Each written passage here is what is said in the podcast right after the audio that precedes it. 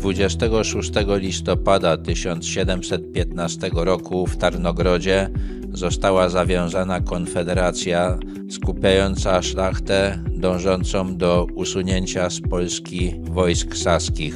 Wojska te sprowadził król August II Mocny, nakazując Polakom utrzymanie ich. W tym czasie panował głód i szalała epidemia dżumy, także utrzymanie 26 tysięcy żołnierzy było trudne. Szlachta uznała to też za nałożenie przez władcę nowych podatków bez jej zgody. Konfederacja utworzyła własne siły zbrojne, liczące ponad 30 tysięcy regularnego wojska oraz kilkadziesiąt tysięcy pospolitego ruszenia. Walki między Sasami a konfederatami miały charakter podjazdowy. Doszło jednak do kilku dużych bitew. W bitwie pod Kowalewem wojska konfederackie przeprowadziły ostatnią szarżę husarską w historii tej formacji. Miała ona miejsce 5 października 1716 roku.